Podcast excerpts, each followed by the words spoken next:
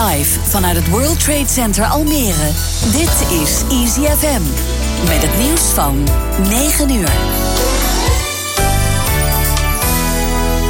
Goedenavond, dit is Bart Meijer met het Easy nieuws.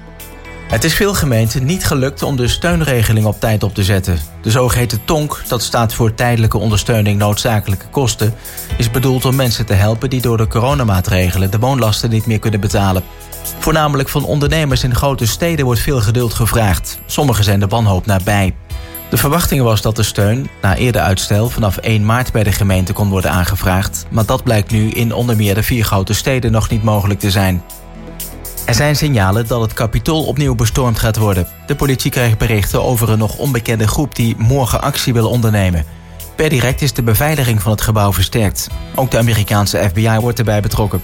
Begin januari werd het kapitool massaal bestormd. De Amerikaanse ordendiensten, waaronder ook de FBI, liggen onder vuur... omdat ze onvoldoende maatregelen getroffen zouden hebben om het gebouw te beschermen. De gemeente Heerlen maakte vanmiddag een eind aan een bijeenkomst van Forum voor Democratie.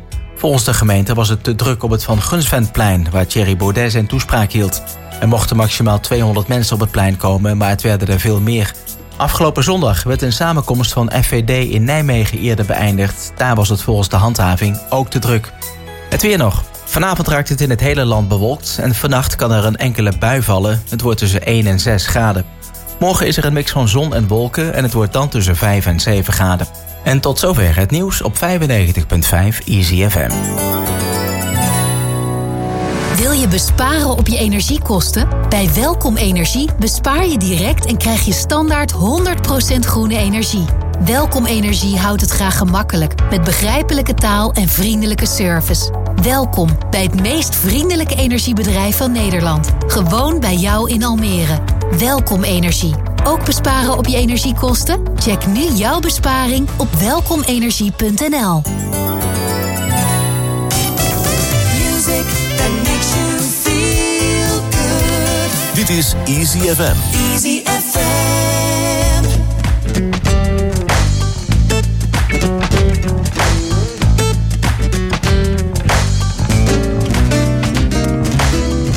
Iedere woensdagavond van 7 tot 9 uur. Easy FM Cultuur. Buiten of binnen, cultuur prikkelt de zinnen. Tussen kleine kunst en groots muzikaal geweld. Caroline in het veld. En welkom hier op de achtste etage uit onze studio op voor ICFM Cultuur met twee gasten aan tafel, maar pratend over één boek. Welkom Aline van Wijnen en welkom Phil Femke Meijer. Dankjewel. Het gebeurt niet zo vaak dat ik in de voorbereiding, als ik een boek heb gelezen, zeg van kan de redacteur ook aan tafel komen. Maar in dit geval vond ik het wel een heel goed idee. Aline, jij bent de schrijver van Het geheime kistje van Elle. Ja. Dat is jouw hoeveelste boek bij Meulenhof? Eh, het tweede bij Meulenhof. En Femke, je hebt het vorige boek ook gedaan, hè? Ja, dat klopt, ja. Ja. Ja. Eh, dit boek, dat is een behoorlijke reis voor jullie tweeën geweest. Eh, ja. Ik denk het meeste voor Aline, maar ik ben er ook wel intens eh, bij betrokken geweest. Ja. Ja. Ja. Aline, jij hebt dit boek geschreven in hoeveel tijd? Eh, ongeveer 30 jaar eraan denken en zes maanden schrijven. Ja. Het klinkt alsof het een belangrijk boek voor je was. Ja, dat klopt. Waarom moest het geschreven worden? Eh, dit boek is geïnspireerd op de verhalen van mijn eh, oma's Mhm. en van mijn favoriete juf op school. En die verhalen hebben me zo geraakt. Ik moest ze gewoon opschrijven. Ik wist alleen niet hoe. En eh, dat heeft 30 jaar geduurd voordat het eh, kwartje viel. En ik wist hoe dat moest. En, eh, want jij zegt, mijn, mijn oma's en mijn favoriete juf... het speelt zich niet af in Nederland, dat deel van het boek. Waar speelt het zich af? Het speelt zich af in Wit-Rusland. Ja. de historische lijnen. En ik kom uit Wit-Rusland. Dat is natuurlijk wat te horen aan mijn accent. Ja, dat, dat was een verhaal dat heel veel indruk op me gemaakt. En ik ben blij dat het boek nu eindelijk ligt Ja. hier en in de winkels. En dat mensen dat eh, verhaal eindelijk kunnen lezen. Nou, zei ik net al, eh, de meeste mensen zullen niet weten waar het ligt. Ik moet om mijn schaamte bekennen dat ik het ook echt op moest zoeken. Waar ligt Wit-Rusland? Ja, mensen vragen dat heel vaak. En het is een, eh, eigenlijk het middenpunt van Europa. Het ligt heel centraal tussen Polen en Oekraïne en Litouwen en Rusland in. Oké, en is het een groot land? Het is een eh, vrij klein land. eh, maar door die centrale ligging heeft het heel veel eh, meegemaakt. Ja. Alle oorlogen die eh, door Europa hebben geraast, die hebben altijd eh, door dat land eh, geraast. En dat is dus flink tekeer gegaan. Ja. Ja. En Femke, eh, nou was het vorige boek dat Aline schreef bij Meulenhof een feel-good boek. Ja. Mag ik je trouwens even corrigeren? Het is bij Boekerij. Ja, Ja. sorry. Maar dat, dat, ik dacht dat dat onder Meulenhof viel. Ja, het, is- het is één bedrijf, maar het zijn wel echt twee aparte fondsen. Dus we, Ja, hebben oké. echt Meulenhofboeken. Die zijn ja. ja, literairder. Het is een beetje andere, andere klasse. Ja. En we hebben boekerijboeken. Ja, dus is gewoon, ze hebben allebei hun eigen signatuur, kan je zeggen. Ja, helder. Ehm, nou, was het vorige boek bij Boekerij was een feel-good boek zoals je een feel-good boek mag verwachten. Ja. Eh, toen kwam deze. Ik kan me voorstellen dat je dan toch even een wenkbrauw optrekt van zo, dus even wat anders. Ja, dat is inderdaad even wat anders. Maar het was duidelijk dat eh alleen dit boek inderdaad moest, moest schrijven. Dat het een heel persoonlijk eh, boek was. Wat er diep, eh, diep in haar zat. En eh, ja, toen ik de eerste versie las, of de eerste, het eerste stuk. Ja. Toen was ik meteen ervan overtuigd dat dit boek er moest komen. En dat het, eh, en dat het ook niet, niet uitmaakt. We hebben meer eh, auteurs die en feel-good en historische romans schrijven. Ja. Ja, en dit is natuurlijk niet de eerste, de beste historische roman. Het is een indrukwekkend verhaal. En Ja. eh, voor indrukwekkende verhalen is altijd ruimte. Ja, maar ik vind het dan ik vind het typerend voor jullie dan dat je daarin meebeweegt. Dat je niet zegt van ja, dit kan een heel mooi boek zijn, maar Aline, eh, we hebben vorige keer gezien dat uh, veel boeken van jou heel leuk verkopen, dus we willen graag gewoon weer een veel boek. Sorry, eh, liever veilig. Ja. Ik vind, ik vind het heel, heel dapper dat je dan mee durft te gaan met een schrijver en, en, en ook een groeiproces, want dat moet zo zijn geweest. Als je dit boek geschreven hebt, daar kom je anders uit dan je erin bent gegaan. Je hebt 30 jaar nagedacht over het schrijven. Dat moet heel wat geweest zijn toen het klaar was. Ja, zeker. Ja. En ik moet wel erbij zeggen dat uh, de vertrouwen van uh, boekerij van Femke en van uh, Michael Nobel, die toen destijds de uitgever was, dat uh, heeft eigenlijk wel bijgedragen dat ik dit boek heb kunnen schrijven. Want uh, ik heb toen de synopsis uh, gemaild en ze waren allebei meteen enthousiast. Mooi. Femke zei toen van ja, er zijn zoveel boeken over de oorlog geschreven, maar dit wordt jouw verhaal. Dus ga maar schrijven en we zien wel. Ja, en dat heeft me echt geholpen. Top. Wat ik in mijn programma altijd probeer te doen, is met de muziek aansluiten bij datgene waar we over spreken. Ken jij Daniel van der Zee? Nee. Daniel van der Zee is een songwriter uit Almere. Hij schrijft liedjes. In dit geval schreef hij een liedje in opdracht bij een ander boek, bij de boekpresentatie. Ik zou je willen vragen om te luisteren naar wat hij zingt. Ademlicht. Ja, het gaat. Uh, volgens mij gaat het ook over Helene. Het gaat over mij. Volgens mij gaat het over Helene. Volgens mij gaat het ook over jullie. Als je geen stap meer kunt zetten, omdat het gras te hoog is, het zand te mul, je schoenen te klein als je niet hard kunt lopen, omdat je denkt dat je daarvoor atleet moet zijn. En als geluk niet over de brug komt, maar naar je zwaait vanaf de overkant. En als je dikwijls in depressies of zelf medelij belandt, adem dan, adem licht. Alles mag maar ademen is verplicht. Adem dan, adem licht. Haal diep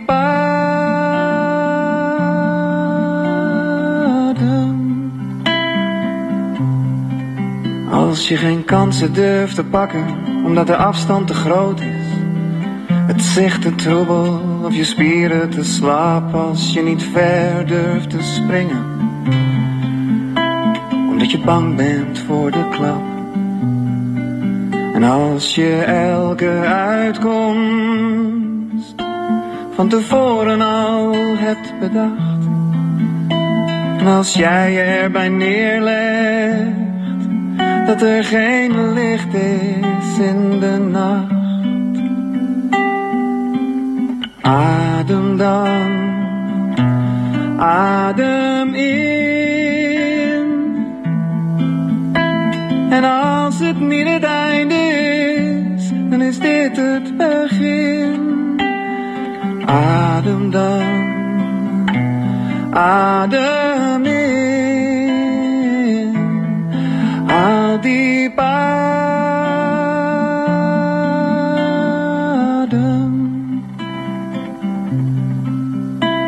Want elke hap lucht die je liggen laat, is er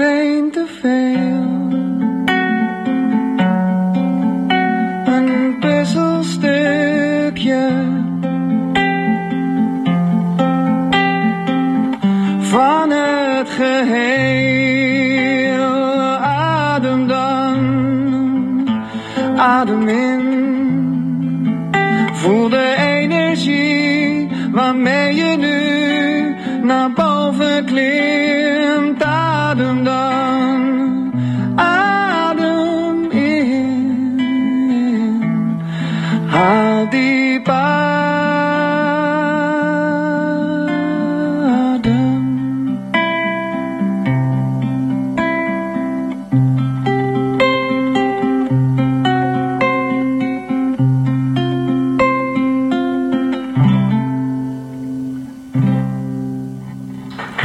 Der Zee met Ademlicht. Mooi.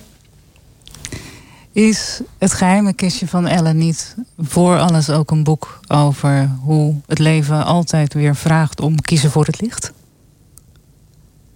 Ja. En doorgaan. En doorgaan? Ja. En ruimte voor de liefde? Ruimte voor de liefde. Ik heb altijd met die vraag gezeten van... eh, hoe kunnen verder leven als eh, iedereen van wie je hield vermoord is? Mhm. Hoe kunnen je het leven oppakken? Hoe kunnen we daar iets van maken? En ehm, nog een vraag ehm, die me wel bezighoudt. Hoeveel grote liefdes in je leven kun je hebben? Ja, Is er meer dan één? is er Kan meer dan één? Kan dat? Ja. Nou ja, in het geval van Elle kan dat. Ja. Ja. Eh, wat het, denk ik, het bijzondere is, is dat dankzij het verhaal van Elle en van Janna leest het boek niet zwaar. Ik bedoel, we hebben het over een loodzwaar onderwerp, Ja. maar het hele boek leest licht. Dat, is mijn eh feel-good tintje. Ja, absoluut. Maar dat moet ontzettend moeilijk zijn om, om, dat, om die klank vast te houden. Want het is geen dramatisch. eh, het, het is geen zwaar boek. In die zin. En leg dat nou maar eens uit. Ja, zeg dat nou maar eens in begrijpelijk Nederlands. Maar het leest lekker weg. En, en het, het blijft ook gaan over die verliefdheid. En het blijft ook gaan over de liefde. Overal, zelfs als het zo moeilijk is dat ze alleen nog onder de grond in een boom kunnen wonen, blijft het gaan over de liefde. Ja, dat is wel een rode draad inderdaad in Toch? het verhaal. Ja, Ja. zeker. Ja. Heeft het moeite gekost om die vast te houden? Heb je dingen weg moeten halen om dat zo helder in beeld te houden? Of ging dat eigenlijk heel makkelijk? Het ging redelijk makkelijk. We, we wel, het zijn natuurlijk twee verhaallijnen. Eentje in het, in het heden en eentje in het verleden. Met verschillende personen. En we hebben wel wat gezocht naar de balans tussen die twee. Omdat eh, in, in de eerste versie was het contrast...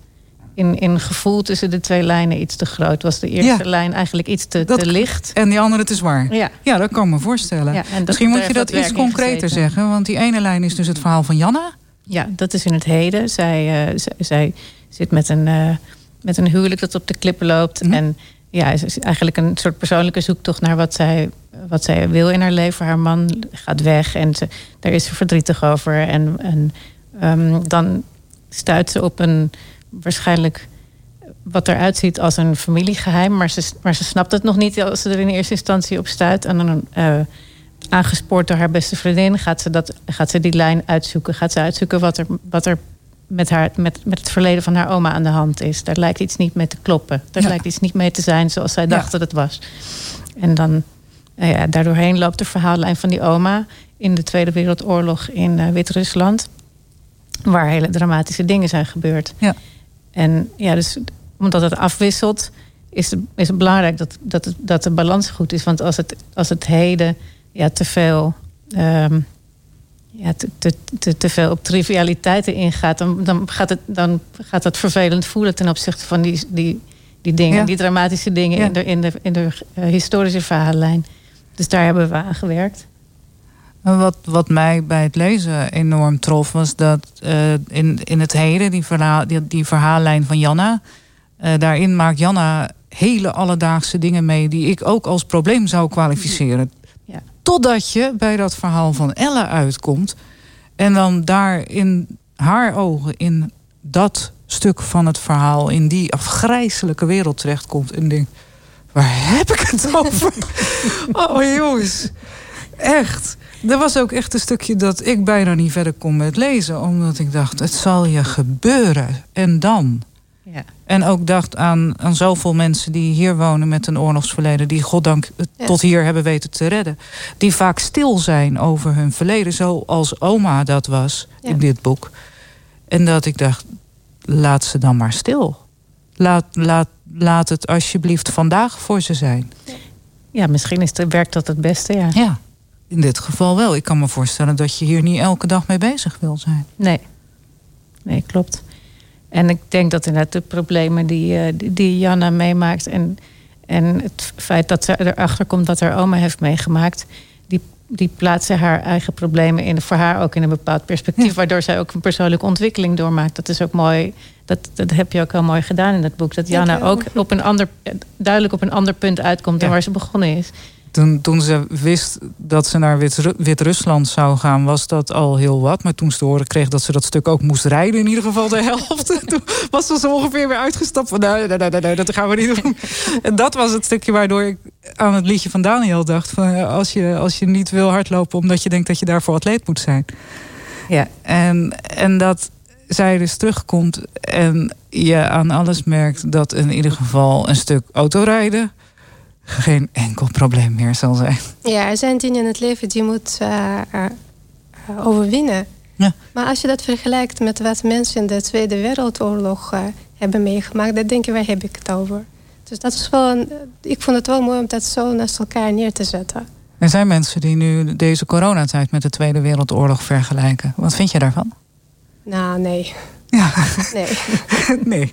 waar hebben we het over? Die, die mogen je boek lezen, zeg maar. Ja, kijk, eh, deze tijd is ook eh, niet makkelijk. En voor vele mensen is het echt eh, een obstakel. Ik weet niet wat het is, maar ja, ze hebben moeilijk mee. Ik heb en toe ook wel moeilijk mee, maar het is geen oorlog.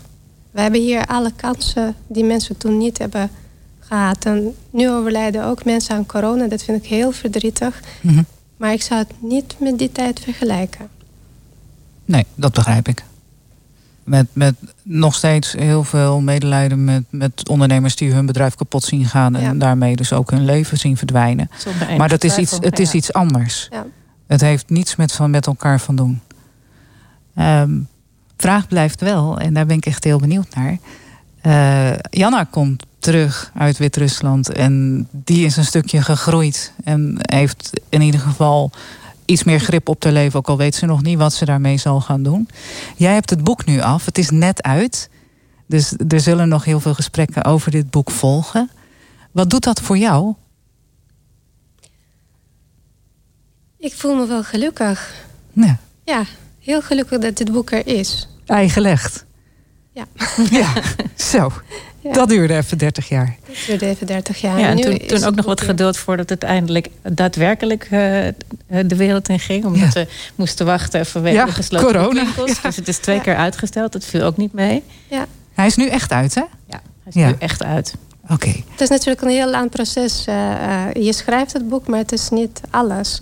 Daarna begint het maken van het boek pas. Mhm. En dat duurt ook eh, heel lang. We zijn ook best wel lang mee bezig geweest. En daarna eh, is het ook eh, uitgesteld. Dus nu is het boek er en ja, toch wel een opluchting. Ik me heel maar gelukkig. meisje, met alle respect, 365 pagina's in zes maanden. Dat, is- dat is hartstikke snel. En dan, want ik dacht, nou, dan zit je hele dagen te schrijven. Maar niets is minder waar. Hoe lang schreef jij per dag? Ik schrijf niet zo heel veel per dag. Ik schrijf eh 20 minuten in de trein en dan 30 minuten in de pauze. En als ik echt in de flow zit, dan ook s'avonds. Maar meestal kan dat gewoon niet na het werk, dan ben ik te moe. Ja. Eh, ja, het is niet vaak, maar ik vind dat je wel elke dag moet schrijven om het verhaal te blijven. En dan komt het vanzelf. Dus je schrijft in een eiltempo. Niet altijd. Nee, maar dit boek maar- moest er echt uit. Ja. Ja. Maar goed, deze zat dus ook al heel lang te duwen dat hij eruit moest. Dat is ook wel duidelijk. Ja, dat klopt. Dus ik kan me ook de opluchting dan nu wel voorstellen. Dat je heel blij bent. Nou, dit, de, hij, hij is er. Hij is er. Ik ben heel blij, ik ben heel trots op dit boek. Ja. Ik ben ook blij dat de mensen in Europa, in Nederland, eh, te weten komen wat Gloesk is en wat er toen daar is gebeurd. Ja. Ja, want eh, niemand weet het. Nou ja, toen ik het boek las, had ik nog nooit, en dat zullen heel veel mensen met mij hebben straks, ik had nog nooit van Gloesk gehoord. Dus de eerste aanname die ik deed was: dit is een fictieve stad. Totdat dat verhaal zich verder ontwikkelt en je zoveel echte details krijgt. Dat ik denk: van, dit, is, dit is niet bedacht. Dit bestaat. Google is dichtbij, dus dan voer je Gloesk in en dan blijkt het inderdaad te bestaan. En dan blijkt alles wat daar eigenlijk beschreven wordt in jouw boek, blijkt ook zo gebeurd te zijn. En dan wordt het even heel stil als lezer. Zo van oogloep. Want doordat je er... Je gaat er vanuit het heden in. Dus je gaat er heel veel goed in. En dan ontvouwt zich eigenlijk dat verhaal naar die horror toe. En je gaat mee met dezelfde... Nou ja, met, met dezelfde verwachting dat dat niet kan... omdat mensen zich zo beestachtig toch niet zullen gedragen... zoals de ouders van Elle het doen. Zullen we vluchten of zullen we blijven? Nee, zo erg kan het toch niet worden. We blijven. Ja, zo, zo moet het voor die mensen natuurlijk geweest Ja. zijn. Dat is denk ik ook iets wat, wat wij in onze comfortabele hedendaagse situatie soms te weinig beseffen. Dat mensen toen het natuurlijk niet wisten. Je kan wel denken, ja, waarom vluchtte niet iedereen of waarom verzetten ze zich niet meer? Maar het is vanuit onze positie nu. Wij weten wat er gebeurd is. Maar mensen toen hadden natuurlijk geen idee. En je kunt je helemaal niet voorstellen dat er ooit zulke beestachtige dingen zouden gebeuren. Nee. Dus ja, je leven is gewoon. Je leeft van dag tot dag. En En je bent En arm het- en dat, ja. er, er, is, er is veel te doen om te overleven met elkaar. En je bent helemaal niet, eh, niet, niet voorbereid op, niet op dat soort voorbereid, beestachtigheid. Nee. Daar kan niemand zich op voorbereiden. En, en dat is wat, wat in dit boek, vind ik met name dat gegeven, vind ik ontzettend goed gelukt. Dat je eh, er in feite in het verhaal al lezend al een goede 200 pagina's middenin zit en je hebt het niet door. Het overkomt je net zo goed als het die mensen overkomt. En dan denk je echt van, oh help. En dan terugkijkend zie je ook alle andere momenten waarop zij ergens in een tussenregel aangeven dat er mensen vertrokken zijn. En zie je, dan pas komen die gesprekken naar boven nog een keer. En dan glashelder. Van ze hebben zich afgevraagd, moeten we niet gaan? Maar nee, want zo erg kon het toch niet worden. Nee, ik heb nu kippenvel als Ja, ik eraan denk. Maar dat is, Ja. dat is wat zo knap gedaan is in dat verhaal. En dan vervolgens kantelt het perspectief weer. En ga je verder in het heden. En met de zoektocht van Janna, die dan ook daar nog niets van af weet. En alleen maar ontdekt heeft van hé, hey, het zit anders. Ja. Nou, dan wil ik toch wel weten hoe dan. En het, het knappe, en dat hebben jullie samen ongetwijfeld. Ja, je hebt het gedaan, maar ik denk dat je pas later kan zien hoe goed dat echt gelukt is. Is dat die twee verhalen in balans zijn. En daardoor blijft dit boek dus wel licht. Met dank aan Femke. Ja, Ja, dat is fijn om dat te is- horen. Want het was inderdaad een belangrijk eh, doel. Ja, Ja. zeker. Maar daarom heb ik jullie hier samen uitgenodigd. Dit boek kan je niet alleen schrijven, zei ik tegen Aline. En toen zei ze dat klopt. Je kan het wel alleen schrijven, maar Ja. er niet alleen maken. Nee, Nee, het maakproces moest Ja. samen. Een boek maak je samen. Ja. Ja. En Ik ben heel blij dat ik het met jou mag maken. Nou, En hoop dankjewel. ook nog vele boeken. Toch, eh, Femke, wat, wat me triggert is dat je zegt van... hé, hey, eh, Boekerij en Meulenhof, dat zijn twee eh, verschillende fondsen. Mhm. Als je dit soort boeken af kunt leveren... eh, kan je dan doorgroeien naar een meer literair fonds bijvoorbeeld? Ehm, ja, waarom niet? Ja. Ja. Dat, dus, dus het is niet zo als jij, in, in een, omdat je toevallig gewoon goed bent en veel goed schrijven... Ik bedoel, daar is ook niks mis mee.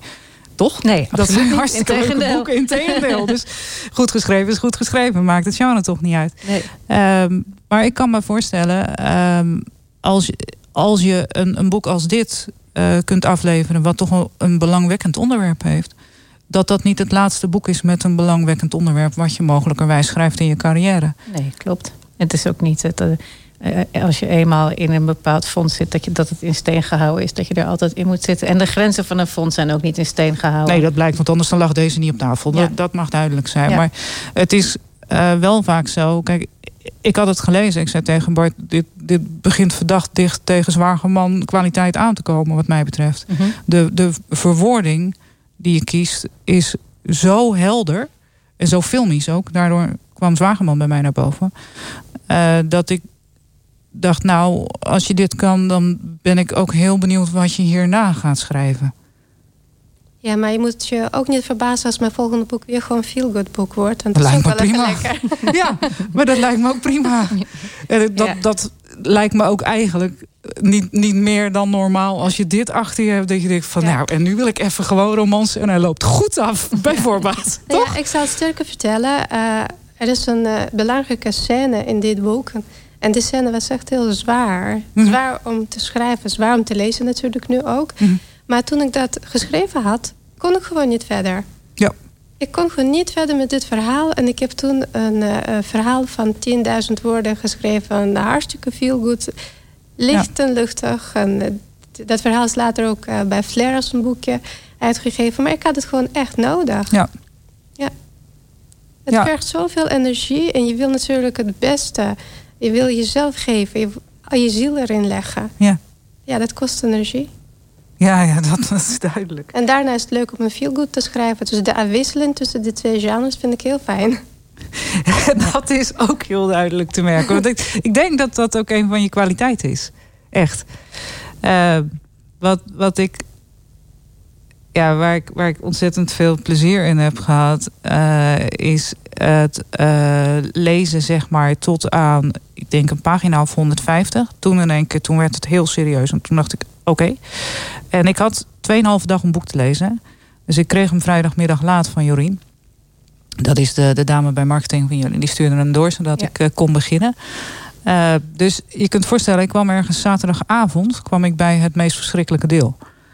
En eh, het was ergens laat in zaterdagavond. Le- Lees, de rest van mijn familie sliep al. Toen ik op het absolute dieptepunt aankwam. En toen dacht ik, als ik nu ga slapen, slaap ik niet. De- wat moet ik nou doen? En ik kwam dus op zo'nzelfde doodpunt als lezen. Zo van, ja, ik kan nu twee dingen doen. Of ik lees door en ik hoop dat het alsjeblieft nog iets beter wordt dan dit. Want anders dan wordt het vannacht doorlezen. Dan moet je naar het einde. ja, dan moet je naar het einde. Ja. En hoe laat ben ik dan klaar? Eh, eh, of ja, ik, ik doe hem nu dicht en dat ga ik niet redden. Dus ik heb uiteindelijk tot half twee gelezen. Tot je weer op een iets Tot ik zonniger weer punt op een iets zonniger punt uitkwam. En toen heb ik hem uiteindelijk op zondag heb ik hem uitgelezen. En toen ik hem uit had, toen had ik echt maar, maar één ervaring. En dat ik- was echt dat ik dacht: wauw, heel erg knap. Je bent wel een hele dankbare lezer. Ik zit te genieten. nou ja, bij, bij deze, er komt geen boek dit programma in als het niet gelezen is bij ons. Dat vind ik belangrijk. Ja. Eh, niet alleen uit respect voor de schrijver. Want ik bedoel, je hebt er zelf tenslotte ook niet al die, al die moeite ingestoken om het dan vervolgens met een management samenvatting af te doen. Zeg maar. dat, dat vind ik niet respectvol. Ja. Eh, maar ook omdat eh, het niet mogelijk is om een goed gesprek met, met, met jullie te voeren. Als ik niet het boek heb kunnen doorgronden. Het is meer dan dat ik het alleen maar doorgelezen heb. Maar dat ik ook snap waarom dit moest. En ik snap heel goed dat dit moest. Ja. Dus nu. Ja. We gaan luisteren naar muziek uit, eh, uit Belarus. Omdat ik dacht, nou weet je, ten eerste, we weten amper waar het ligt. Dat weten we nu dankzij jou. Maar ten tweede, ze doen ook gewoon mee aan het Eurovisie Songfestival. Echt waar, luister Kunnen maar. ze.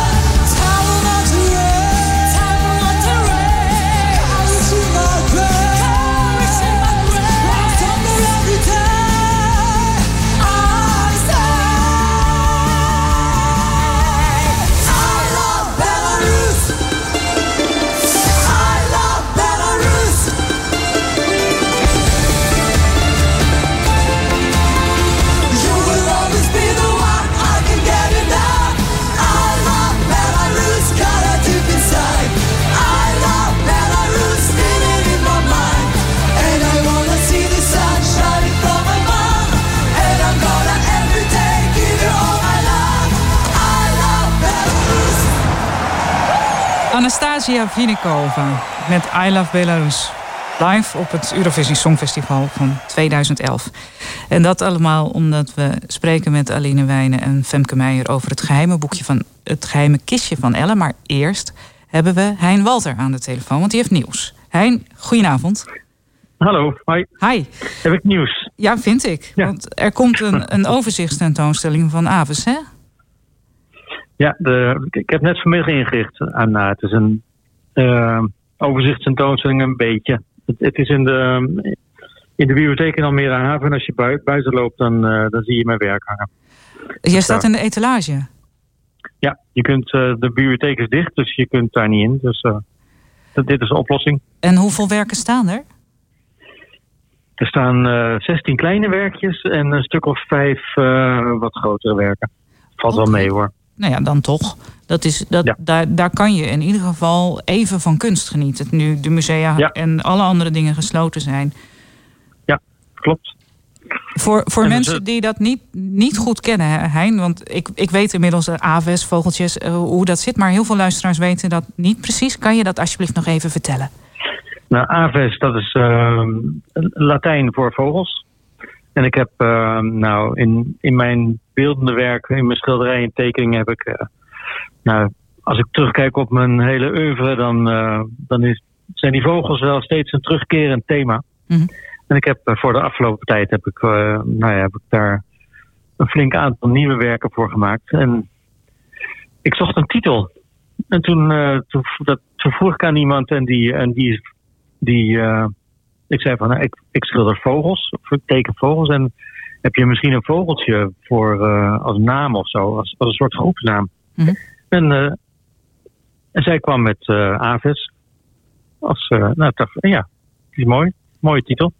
Nou was het bij, dacht- bij, bij Cobra zo dat daar natuurlijk meer kunstenaars in diezelfde sfeer op verschillende plaatsen hun kunst maakten. Ja. Ehm, kan dat ook bij Aves zo worden? Nou ja, eh zou zomaar kunnen. Ja hoor, als iemand denkt van ik, ik wil me aansluiten bij die vogels. Ja hoor, ik eh, geen probleem mee. En ik, inderdaad, eh, zoals Cobra, op een bepaald moment weet iedereen wat Cobra is. Het is een soort stijlfiguur geworden, terwijl Ja. het in het begin gewoon alleen maar een naam van een tentoonstelling was. Ik dacht van oké, ja, ik zocht eigenlijk een soort Cobra-achtige naam. Ja. Dus Nou, dat is Nou. gelukt. En nou, Ja. en, en nou de collega's nog die zich willen aansluiten. Dus ik kan iedereen van harte aanbevelen. Ga kijken naar die kunstetalage in Almere Haven. Hij staat er dus in ieder geval vanaf vandaag. Tot wanneer kunnen we hem blijven zien? tot en met eh, 1 juli. En daarna dan eh, komt er weer iemand anders. En Ja. eh, stel nou dat de biep in de tussentijd open mag. We hopen het natuurlijk allemaal met, z'n- met z'n allen van godganser harte. Maar als de biep in, een, in de tussentijd open mag... komt er dan ook op de vloer een expositie van jou bij? Of is het echt alleen deze in de... Nee, dit, dit, dit is nu alleen maar dit. Dus eh, ik heb ook geen, ik heb ook geen ruimtelijk werk. Hè, dus ik maak alleen maar eh eh, schilderijen aan de muur. En Mhm. dat is ook geen. ja, de bibliotheek in Almere Haven heeft ook geen plek voor, voor hangende dingen. Nee, Behalve dan daar. Behalve dan daar. Ja. Nou is het Ja. zo dat we ook in de openbare ruimte van jou wel kunst kunnen vinden. Waar kunnen we onder andere naar beeldend werk van je kijken? Nou,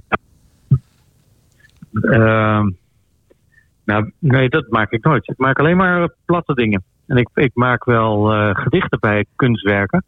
Sorry, zo bedoel En, ik het eh, ook. Ja, gedichten ja. bij kunstwerken in de openbare ruimte. Nou, in, eh, in de zomer dan heb je weer Natuurkunstpark Mhm. in, eh, in Lelystad. En, dan, en als het goed is, komt er, als het lukt, dan eh, komt er ook in, eh, in Almere een, eh, een, heel stuk eh, te staan. Dus dan, ga, dan breiden we Natuurkunstpark uit naar het Feeststeden. Oké. Het, naar het Odeonpark, Ja, waar vroeger de paviljoens stonden. ja.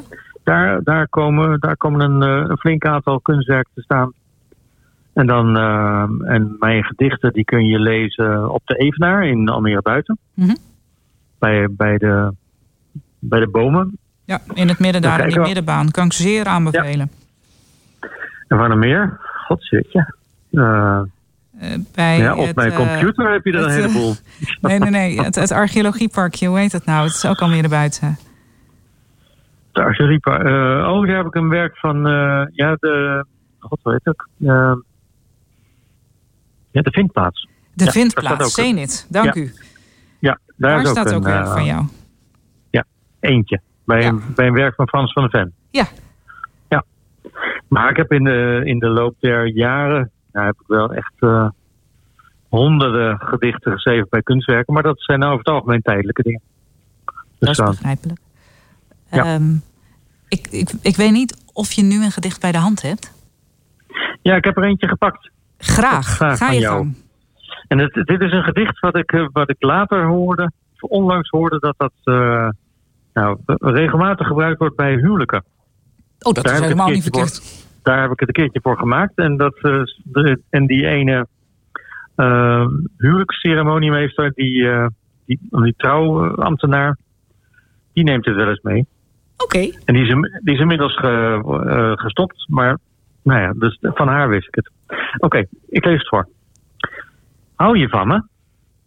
Als twee druppels water. Hou je morgen van me? Ja, en altijd. Hoe zul je me noemen? Dag en nacht zomer. Hoe zullen we zwijgen? Fluisterend. Wat drinken we als we dorst hebben? Liefde. Wat eten we als we honger hebben? Liefde. En als ik ziek ben, dan zal ik alles zijn en niets. Tot het einde, tot het einde en verder. Punt. Oh. Nou, ik kan me inderdaad voorstellen dat, dat je dat graag voorleest als je twee mensen voor je neus hebt zitten die daar komen om jou een huwelijk te laten sluiten. Wat mooi, man. Ja, leuk hè? Ja, absoluut. Dankjewel, Hein Walter. In de kunstetalage van de bibliotheek in Almere Haven. Dus niet in buiten of in Ja. stad, maar in Haven. Daar te Ja. zien met 21 werken. En eh, van harte aanbevolen tot 1 juli. Hein, dankjewel. Oké, alsjeblieft. Nou, dan kunnen we meteen door naar de liefde in het boek, toch? In één keer door. Nog steeds aan tafel hier Aline van Wijn en Femke Meijer. Over het geheime kistje van Elle. Ehm, waarom wilde jij Janna als hoofdpersoon? Ja, ik eh, had dat verhaal heel lang in mijn hoofd. Dat heb ik al verteld. Maar ik had geen idee hoe ik dat moest vertellen. Ja. En eh, Janne is wel de manier om dat, die ontdekkingsreis te doen. Mhm. En toen ik eh, dat besefte, toen viel het kwartje. Ja. Toen dacht ik van, zo ga ik het doen. Ik ga gewoon door de ogen van Janne eh, de wereld bekijken... waar haar oma heeft eh, gewoond. Mhm. De dingen ontdekken die ze heeft meegemaakt. En ik heb me gewoon in Janne verplaatst. Ja. En stap voor stap, samen met Janne... ging ik de dingen ontdekken en opschrijven. Ja, het klinkt heel makkelijk. Nou ja, wat eh, de, de detaillering. Ik zei al net, het boek is bijzonder filmisch. Eh, de, de detaillering van je scènes is zo precies op de gebruiken. Wat er gegeten wordt, wat mensen aan hebben. ehm, hoe het ruikt, hoe het, hoe het voelt. Hoe, nou, noem maar op. Ehm, daar moet behoorlijk wat research in gezeten hebben. Hoe heb je dat gedaan? Hoe, hoe heb je mensen in geluk gevonden die iets konden vertellen? Eh, internet. Oké. Internet is echt een eh, een enorm cadeautje voor eh, de schrijvers. Want als ik eh encyclopedieën zou moeten eh, naslaan, dan was ik er nu mee bezig nog. Ja. Eh, alles op internet opgezocht, eh, eh, YouTube-filmpjes gekeken, eh, over echte documentaires gekeken, Ja. boeken gelezen. Toen ik eh, even in het verhaal vast zat, heb ik eh, de journalisten in Glusk eh, gemaild. Ja, want je bedankt een journalist inderdaad aan het einde. Wat heeft hij precies gedaan? Eh, zij heeft mij eh, een tip gegeven waar bepaalde documenten kunnen liggen. Ja, En dat heb ik dus eh, verder op internet opgezocht. ja oké. Ja, maar zonder haar was ik natuurlijk niet op dat idee gekomen. Dus dat is echt heel waardevol. En verder eh, hebben wij heel veel contact gehouden. Dus was eh, echt helemaal vereerd en blij dat er een boek komt over haar woonplaats. Ja. En we hebben nog steeds contact via social media. Dus dat was echt heel leuk. Maar het boek is in het Nederlands. Wordt hij vertaald? Dat hoop ik. Ja, dat kan ik me Ik voorstellen. zou het heel fijn vinden, want mijn ouders die wonen in eh, Wit-Rusland en ze Ja. spreken geen Nederlands.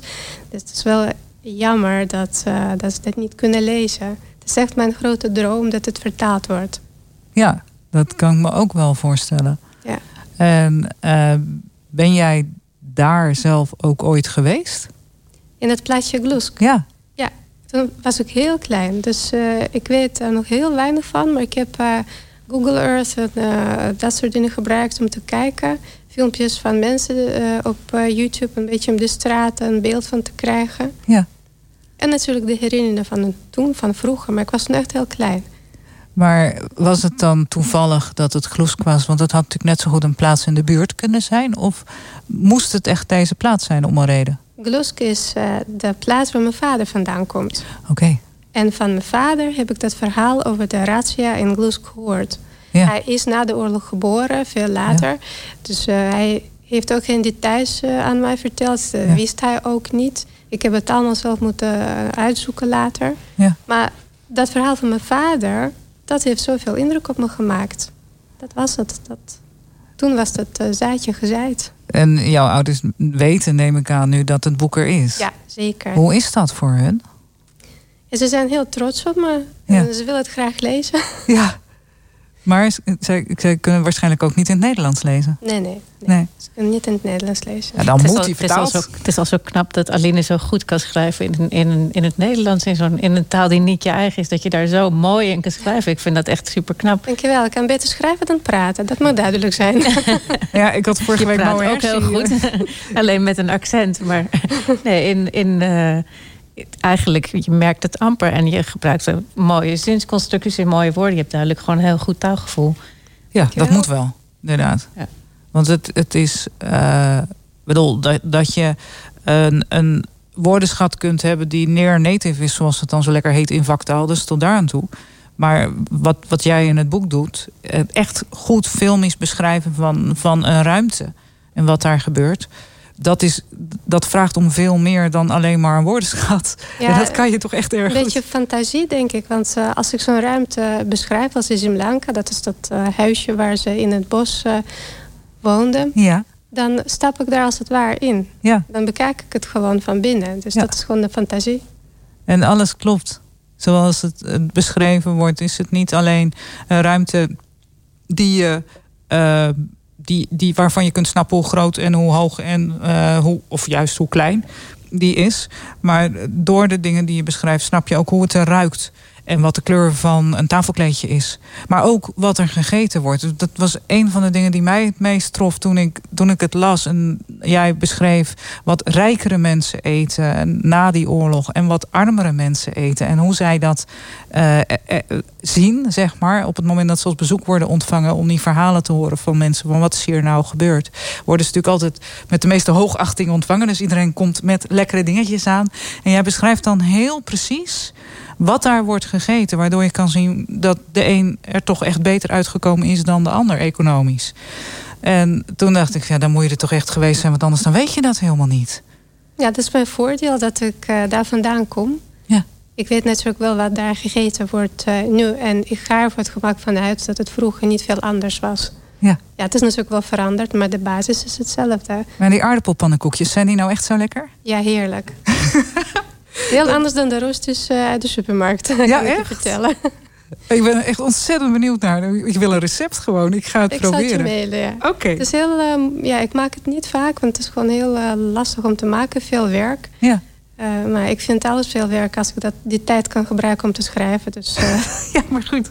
Het is ook echt voor, voor mensen die dit boek gaan lezen. Het is niet te begrijpen dat je dit naast een vierdaagse werkweek. gewoon er even in een half jaar naast schrijft. Dat je denkt: wat? Goeiedag zeg. ja, het is mijn uitlaatklep. Ja, Echt waar. nou, stevige klep. Dank je wel. Ehm, wij hebben in dit programma hebben wij een kinderrubriekje. In dat rubriekje, daar eh, zijn leerlingen van het CKV hier, de muziekschool. En die laten dan horen welk instrument zij bespelen. En eh, houden een klein interview met de vragensteller. Luister maar. Iedere week vult jong talent zijn of haar paspoort in. Kids en kunst in Mijn Kunst.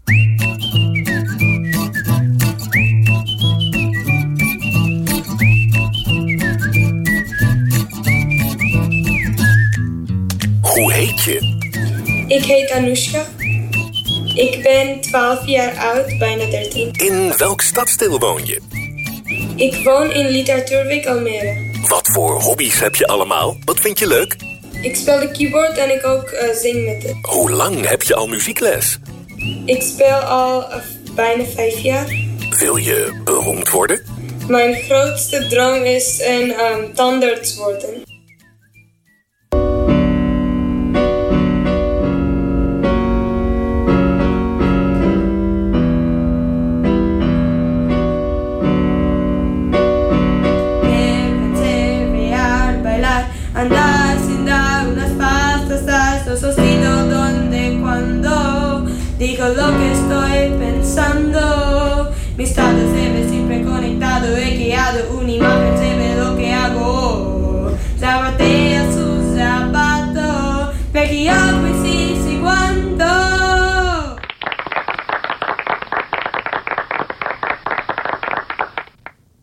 En zo hebben we elke week een ukkie in de studio. Leuk. En eh, dat doen we omdat er in de stad een jeugdcultuur- en sportfonds is. En eh, zij maken mogelijk dat eh, leerlingen die wel graag cultuurles willen hebben, maar mogelijkerwijs van huis uit toch niet altijd eh, betaalbaar is voor iedereen om zomaar je kind op violes of op pianoles of op zangles of naar voetbal te sturen. Eh, het, het Jeugdcultuurfonds helpt daar, eh, en het Jeugdsportfonds, dat is één fonds, helpen daar aan mee, geven een bijdrage aan elke ouder. En eh laten altijd graag weten dat daar geld voor beschikbaar is.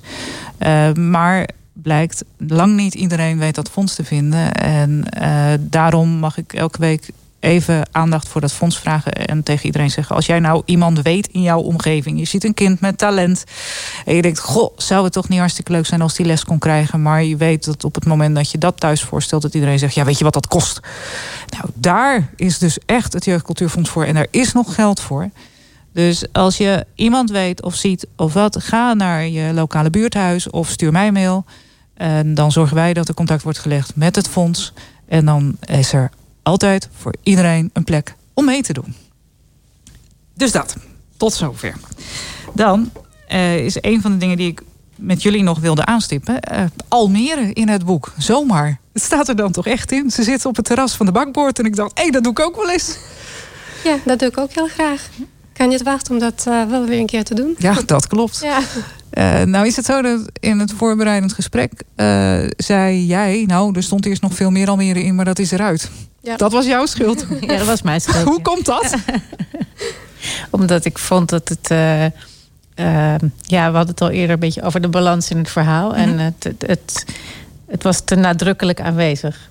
Is, nou vind eh, ik Almere nooit te nadrukkelijk dat snap ik. aanwezig. Dat snap ik. maar in een balans, waar, eh, in een, balans met, een, met een ander verhaal. eh, ja, werd het, werd het belang te, te, te, te groot. Dat snap ik ook wel weer. Ja. Tegelijkertijd, ehm, het is wel een, een, het is nogal een verhaal. Het is hartstikke internationaal. En eh, het, het gaat over dingen waar we toch allemaal iets mee moeten in, in die zin. Het is nog steeds niet zo gebruikelijk dat dat eh, hier uit onze stad komt. En de perceptie die wij met z'n allen hebben, is ook zeker niet dat een dergelijk werk van deze kwaliteit uit zomaar Almere kan komen. Dus mijn, mijn hele eerlijke vraag aan jou: hoe lang woon je hier al? Eh, elf jaar. Oké. En zijn er andere boeken waarin Almere een rol speelt van jou? Eh, liefde met gebruiksaanwijzing. Oké. De hoofdpersoon die woont ook in Almere. Oké. Maar er wonen vast wel meer mensen in Almere die echt goed kunnen schrijven. of Ja, ik probeer ze ook allemaal te vinden. Nee, precies. Kwaliteit kan overal vandaan komen. Ja, nou en of. Ja, kijk, ik heb gewoon geluk gehad dat eh, mijn werk een keer iemand opviel. Ja. Maar er zijn heel veel mensen die ergens goed in zijn. Het maakt niet uit waar je woont. Dat klopt, dat klopt zeker. Maar eh, het is voor het imago van Almere heel prettig als in werken van dit soort niveau eh, de stad voorkomt. Want laten we wel wezen, tot op heden doen wij vanuit Almere nog steeds elk jaar ons best om een internationale schrijver. Of het afgelopen jaar was het Ni- Nia Weijers die hier geschreven heeft. En we hebben hier een appartement in de stad waar we een schrijver naartoe halen. Met de vraag: wilt u alstublieft iets schrijven waar Almere in voorkomt? Omdat Almere anders een niet bestaande stad blijft in literaire termen. Dat heeft effect. En het aardige is dat dus nu er ook zomaar boeken zijn waar het gewoon in voorkomt, waar dat helemaal niet zo'n issue is. En dan is er dus iets verbeterd. Gewoon. Op het moment dat Ja. we daar niet meer aan hoeven te trekken en het heel normaal is dat een boek zich ook Ja, in deze stad kan afspelen, Ja. dan, dan hebben we iets bereikt met elkaar. Dus dat, dat blijft leuk. Ik snap wat je bedoelt. Ja, toch? Ja. Eh, dus een, een hele open, oprechte vraag. Als jullie andere boeken tegenkomen waarin dat het geval is, eh, wijs me daar alsjeblieft op. Want ik kan ze ook niet allemaal vinden of lezen. Ik weet nu, ik, ik ben achter een meneer aan die een boek over een historische roman heeft geschreven rondom het eh, kasteel. Die heb ik net vandaag toegestuurd gekregen. Dus dan heb ik toch weer iemand gevonden waarvan ik ook nog nooit gehoord heb. Dankzij eh, een, een, een oplettende buur. Die zei van, hé, je hebt toch iets met boeken waar al meer in voorkomt? Nou, deze hier. Eh, maar als ik niet door Ilse, Ilse Ruiters, op dit boek was geweest... had ik het ook niet geweten. Nee. Dus dat, dat, dat blijft dan toch een beetje een ding. En gelukkig kijken nu steeds meer mensen mee. En, en krijg ik steeds meer ogen en oren en handen en voeten in die zin. Ik zal je denken als ik Dat we de, de juiste boeken ook echt in het programma kunnen krijgen. Maar het is het waard. Ja.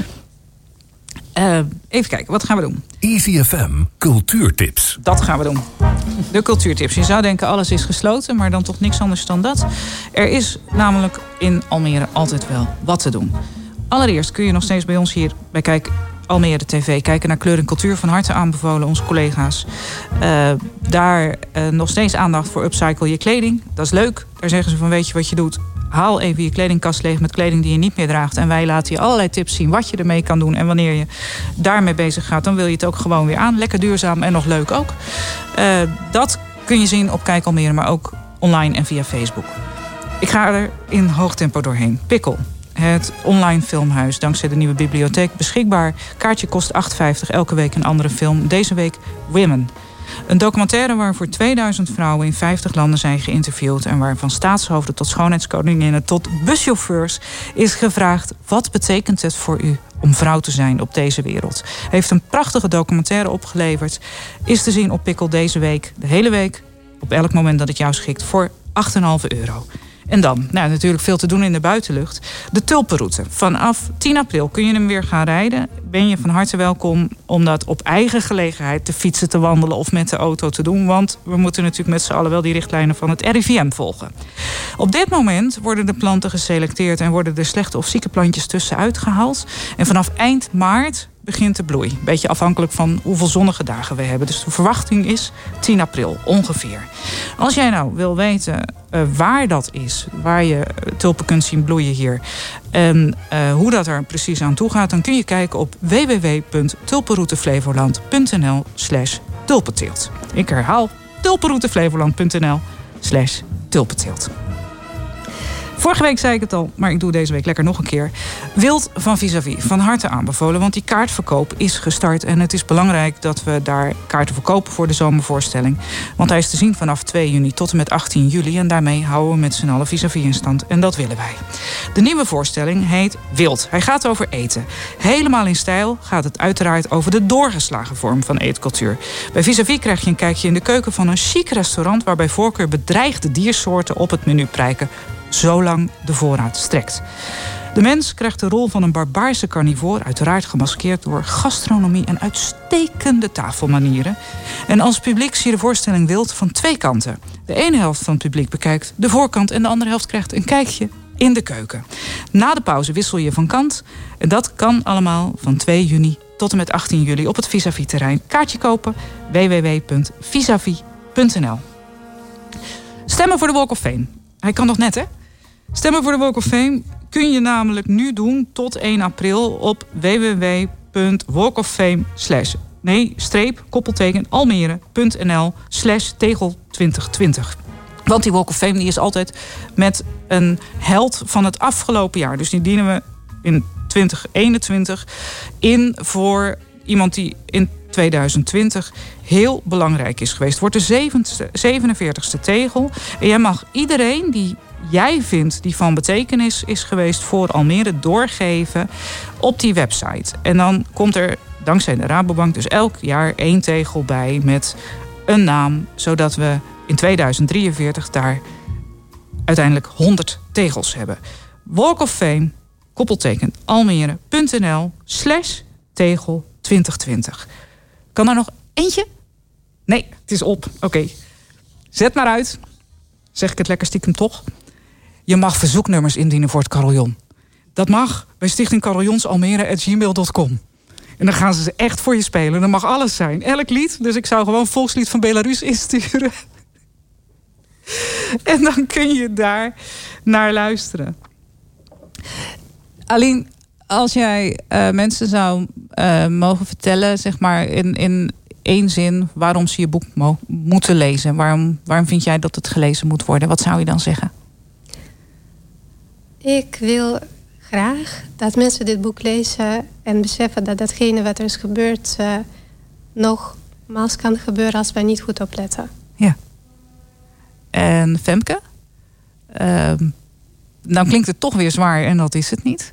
Hoe blijven we nou uitleggen dat dit geen zwaar leesboek is? Het, is, het speelt zich af in de, in de, de beleving van iemand van nu. Ja. En doordat je in de huid van Jana zit, iemand van nu, um,